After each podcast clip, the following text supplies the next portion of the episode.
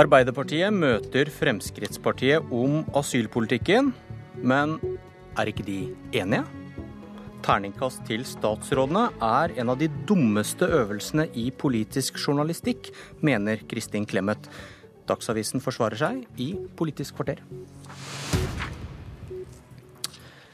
Rollebytte. Fremskrittspartiet beskylder Arbeiderpartiet for dobbeltkommunikasjon. Arbeiderpartiet protesterer ikke på asylpolitikken Sylvi Listhaug presenterte i romjulen, men på ordene hun valgte å bruke. Masiar Keshvari fra Fremskrittspartiet, hvorfor mener du dette avslører at Arbeiderpartiet taler med to tunger? Fordi det føyer seg inn i rekken av eksempler over mange år der Arbeiderpartiet bevisst eh, sier en ting, for så å si en annen ting, for så å gjøre det tredje ting. Eh, det hele startet jo for fullt eh, med kanskje Martin Kolbergs kamp mot radikal islam, som endte opp med at Torbjørn Jagland og Jonas Gahr Støre mente han ikke visste hva det var, og det var et ikke-problem. Eh, så har vi sett en rekke uttalelser fra deres tidligere innvandringspolitiske talsmenn. Eh, og så har vi sett det i forbindelse med at eh, Arbeiderpartiets leder har vært veldig imot forbud mot burka i det offentlige rom, for så å åpne opp for det etter at Det europeiske menneskerettighetsdomstolen sa at det var helt greit, for så å gjøre det klart at han ville stemme imot. Men Når du ser på reaksjonene etter det som kom i romjula, hva er det som viser en dobbeltkommunikasjon der? Eh, Arbeiderpartiets eh, nestleder er ute og støtter det fullt ut. Han sier dette er ikke provoserende i det hele tatt. Dette er en videreføring av eh, Arbeiderpartiets politikk, noe som er beviselig feil. For så kommer en rekke Arbeiderpartipolitikere ut, skriver blogger og andre ting om at dette er langt ifra hva Arbeiderpartiet står for, hva de har kommet fram til på sist landsmøte. Hvem tenker du på da? Jeg tenker på lokalpolitikere fra bl.a. Drammen som har uttalt seg om det. Eh, og, og, og, dette er et mønster, fordi rett før dette skjedde igjen, så var jo Arbeiderpartiets nestleder Hadia Tajik ute og ville ha forbud mot hijab i grunnskolen.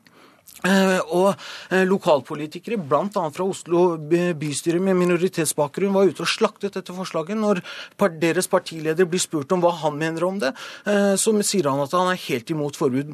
Man kan altså ikke være mot uttransporteringer til f.eks. Afghanistan, for så å ville opprette direktefly fra Kirkenes til Afghanistan, slik Helga Pedersen ønska.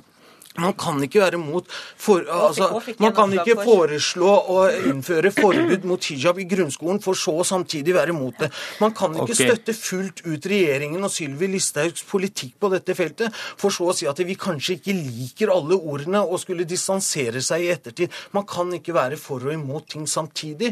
Eh, det er en dobbeltkommunikasjon som må ta slutt. Helga Pedersen fra Arbeiderpartiet allerede introdusert. Hva svarer, ja. hva svarer du? Eh, takk for det. Eh, nei, for det første så vil jeg si at Arbeiderpartiet står for en eh, streng og rettferdig eh, asylpolitikk som har hatt bred tilslutning i Stortinget gjennom mange eh, år. Så skal vi også med den posisjonen Norge er i, ta ansvar eh, for vår del av verdens flyktninger. Det er det det handler om. Og Det store bildet er jo at Fremskrittspartiet har lagt sine primærstandpunkt på hylla for godt og har inngått i en bred enighet eh, på eh, Stortinget. Og Det er selvfølgelig eh, vi fornøyde med. I fjor så inngikk Arbeiderpartiet i flere brede forlik på Stortinget. Først om å ta imot eh, kvoteflyktninger fra Syria. Så tok vi initiativ om eh, sterkere norsk engasjement i Middelhavet.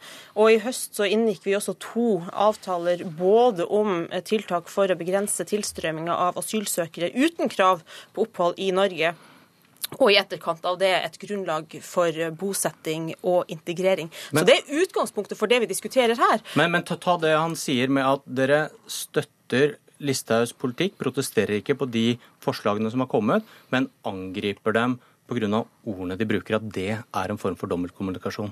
Ja, her må det gå an å ha to tanker i hodet samtidig. Når uh, forslagene fra regjeringa kom i romjula, så sa vi at her er det mye kjent stoff. Eh, bl.a. fra asylforliket som vi inngikk i høst, og som vi selvsagt står bak. Og Så har vi sagt at nå skal vi sette oss ned, gå grundig gjennom alle forslagene, og så skal vi i tur og orden ta stilling til eh, dem. Sånn som vi har gjort i de andre spørsmålene vi har diskutert i løpet av 2015. Samtidig så har vi tatt sterk avstand fra ordbruken til Sylvi Listhaug. For det å snakke om å bære eh, asylsøkere på gullstol eh, i Norge, det kolliderer veldig eh, med den situasjonen som flyktningene fra Midtøsten nå opplever. Eh, det er ikke snakk om gullstol, det er snakk om at man risikerer liv og helse i skrale farkoster. To, to tanker i hodet, ikke ja, to tunger. Bare til det siste først. Hun har ikke sagt at de blir båret inn på gullstol inn til Norge. Hun har sagt at man kan ikke bæres på gullstol til integrering, man må gjøre en egeninnsats. Ja, men Helga men, Pedersen fortsetter den linjen. For det var ikke det Trond Giske sa det hun sier nå skal vi vurdere å gå gjennom forslagene og se hva vi kan støtte og ikke. Han sa det her er ikke provoserende. Det her er en videreføring av Arbeiderpartiets politikk. Men er ikke du fornøyd med det, da? Jeg er veldig fornøyd med det. Men det jeg ikke er fornøyd med, er at Arbeiderpartiet snart må vite hvilken fot de skal stå på. Den spagaten de står i, eh, blir helt umulig å forholde seg til. Det er ikke riktig at de har hatt en rekke forslag. Arbeiderpartiet har vært først og fremst opptatt av i løpet av de to siste åra vi har lagt bak oss, at det kommer for få flyktninger og mennesker til Norge. Det kom for få syriske flyktninger til Norge. Vi sendte ut for mange mennesker tilbake til bl.a. Afghanistan, og dermed kunne risikere returavtalen. De mente at man ikke kunne sende folk tilbake til internflukt. Jo, men poenget er at på område etter område så har dere ment én ting, for så å mene en annen ting. Og det har bare eskalert i løpet av denne høsten. Det er det som er realiteten. Vi skal ha en skikkelig og ordentlig gjennomgang av de forslagene som regjeringa la frem i romjula, sånn som vi har hatt i de andre forslagene vi har diskutert i 2015. Det er ingen politikere på Stortinget som mener at man skal bære innbyggerne i Norge rundt eh, på gullstol, enten man er født her i landet eller kommer fra et annet land. Og Sånn er det heller ikke i dag. Og Når Sylvi Listhaug kommer med sånne påstander, så er hun med på å skape et inntrykk av at det er sånn det er. Og jeg mener at i det landskapet vi eh, nå opererer i, så er det viktig med en kunnskapsbasert tilnærming. Og ikke minst at man har en ordbruk som er tilpassa realitetene eh, der eh, ute. Eh, vi vet eh, at i en situasjon eh, med flere flyktninger og økende ledighet, så er det grobunn for fremmedfrykt også i Norge. Og da er det utrolig viktig hva slags ord og holdninger vi møter eh, folk med. Og hvis vi skal ta statsministeren på alvor, å legge til rette for hverdagsintegrering, så er det jo desto viktigere at ikke minst regjeringa sjøl velger sine ord med omhu. Og okay. det gjorde ikke Sylvi Listhaug i dette tilfellet. Keshvari, dere var enige med Arbeiderpartiet før jul, men kommer med nye forslag når forliket skal følges opp. Og siden det ikke har skjedd så mye mellom forlik og romjul, så kan det virke som om dette bunner i et behov for å vise at dere vil være strengere enn Arbeiderpartiet mer enn å svare på konkrete utfordringer? Nei, overhodet eh, ikke. fordi at i, allerede i, i, i, samarbeidsavtalen som vi hadde med KrF og Venstre, med unntak av to punkt, så var det en rekke innstramminger. Og da sa Arbeiderpartiet det samme. Det her er å videreføre vår politikk. Selv om det aldri var 24 års eh, aldersgrense for ekteskap da, selv om det ikke var økt bruk av biometrisk data, selv om de mente at det lukka mottak stridde med bl.a. FNs barnekonvensjon og alt mulig. Altså, Det er jo den linja Arbeiderpartiet har lagt seg på. at de mener mener to motstridende ting eh, samtidig hele veien på alt som har med flyktninger, asyl og integreringspolitikk å gjøre. Og det har velgerne merket seg i løpet av denne høsten. Ok, takk for debatten.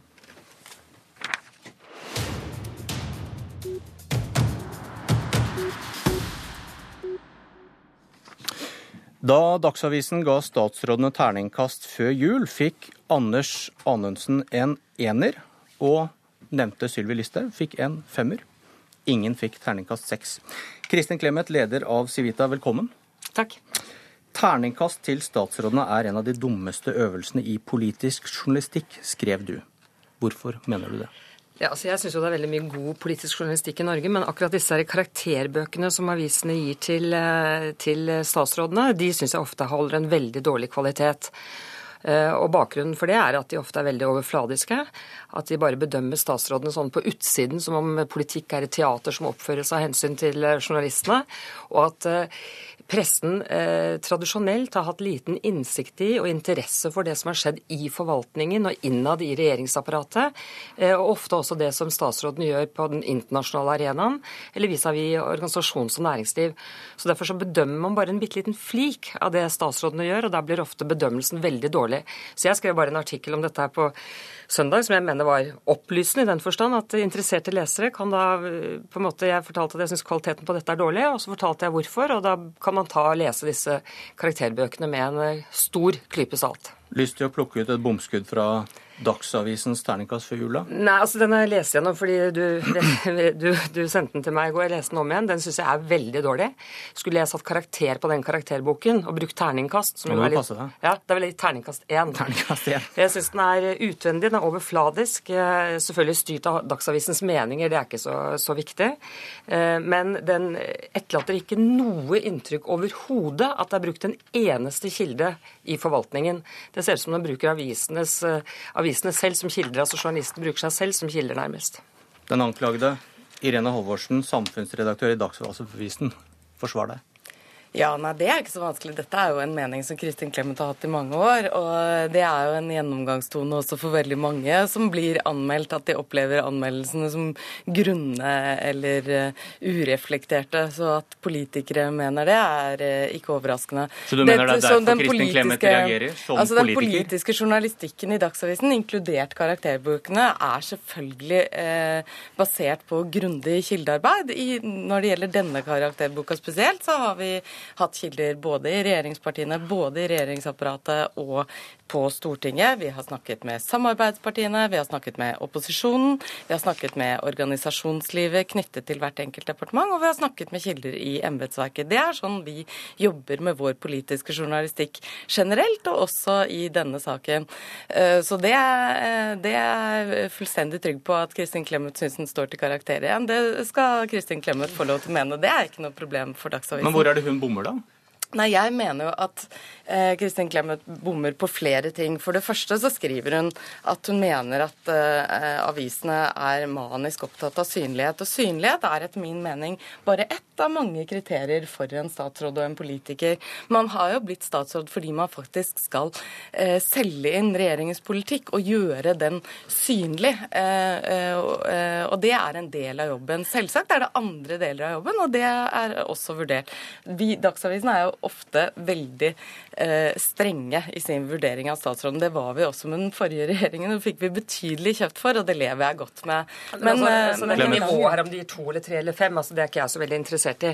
Men, men, jeg må si at det er jo ingenting i den karakterboken i Dagsavisen som tyder på at de har noe begrep om hvordan statsrådene fungerer internt i departementene og for underliggende etater og for internasjonale organisasjoner osv. Jeg syns et veldig talende eksempel på hvor lite pressen har vært interessert i dette, det fikk vi i grunnen i forbindelse med Gjørv-kommisjonen.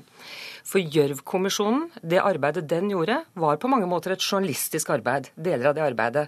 Man gjorde en undersøkende journalistikk, så å si, i forvaltningen og fant ut hvordan forvaltningen fungerte og ikke fungerte. Hvordan politisk ledelse fungerte og ikke fungerte. Og hvordan det på noen områder var grov tillitssvikt mellom politisk ledelse og forvaltningen, og hvordan det kunne få konsekvenser. Dette er jo kjempeviktig. Mye viktigere enn hvordan en statsråd gjør det i VG eller kommer med utspill osv. Her kan det være direkte motsetninger. At en statsråd som pressen ofte, statsråder som pressen ofte elsker fordi de er veldig på ballen i mediene, svarer på enhver utfordring som mediene kommer med, det kan få katastrofale følger innover mot forvaltningen og det statsrådene skal styre. Og hvis du ikke, ja, Men dere greier ikke å bedømme det. Nei, men Det er jo bare tull og tøys. Mener du at det er bedømt i Dagsavisens Men du kan jo virkelig ikke sammenligne Gjørv-kommisjonens arbeid med massiv eh, pengebruk og mm, altså Dette var jo nærmest et forskningsarbeid med helt vanlig journalistikk. Men, men i men tillegg så mener jeg viktig det er det som skjer i forvaltningen? Ja, men Gjørv-kommisjonen er jo ekstremt viktig, men det er jo ikke sammenlignbart. Det er jo bare tull og tøys. Og dessuten så er det jo sånn at veldig mange av de statsrådene som vi ofte gir dårlig vurdering, de er jo enten flytta på, forsvunnet ut eller fått nye arbeidsoppgaver. Det betyr jo at det er flere enn oss som syns det samme. Men konklusjonen er at du tar ingen selvkritikk? Nei, jeg tar du tar ikke, du, tar kritikk. du har et forslag til hvordan dette kunne gjøres nei, nei, altså, bedre? Altså, vet du, De kan gjøre akkurat hva de vil. De kan kaste terninger hele året. Det er jo litt komisk også at man kaster terninger, for der er jo tilfeldig, altså der er jo på en måte svaret helt tilfeldig. Men eh, Det kan de holde på med. Men jeg vil gjerne kritisere det og si at kvaliteten på dette arbeidet de gjør her, dette er ganske dårlig. Og grunnen til det er sånn og sånn at det er masse sider som ikke blir vurdert skikkelig. Jeg syns det er helt fascinerende at en person som er tidligere kunnskapsminister, representerer et parti som i fullt alvor har foreslått foreslått karakterer for tiåringer, syns at karakterer på landets øverste politiske ledelse er en uting. Men det dere, er det, dere oppfører dere som om dere har lærere som satte en mattekarakter ut fra hvordan elevens popularitet i skolegården er. Nei, men det er tull, fordi at du baserer deg på at vi bare vektlegger synlighet. Men det er ikke riktig, da har du ikke lest det. Vi må fade debatten, for vår tid er ute. Dette var Politisk kvarter. Jeg heter Bjørn Myklebust.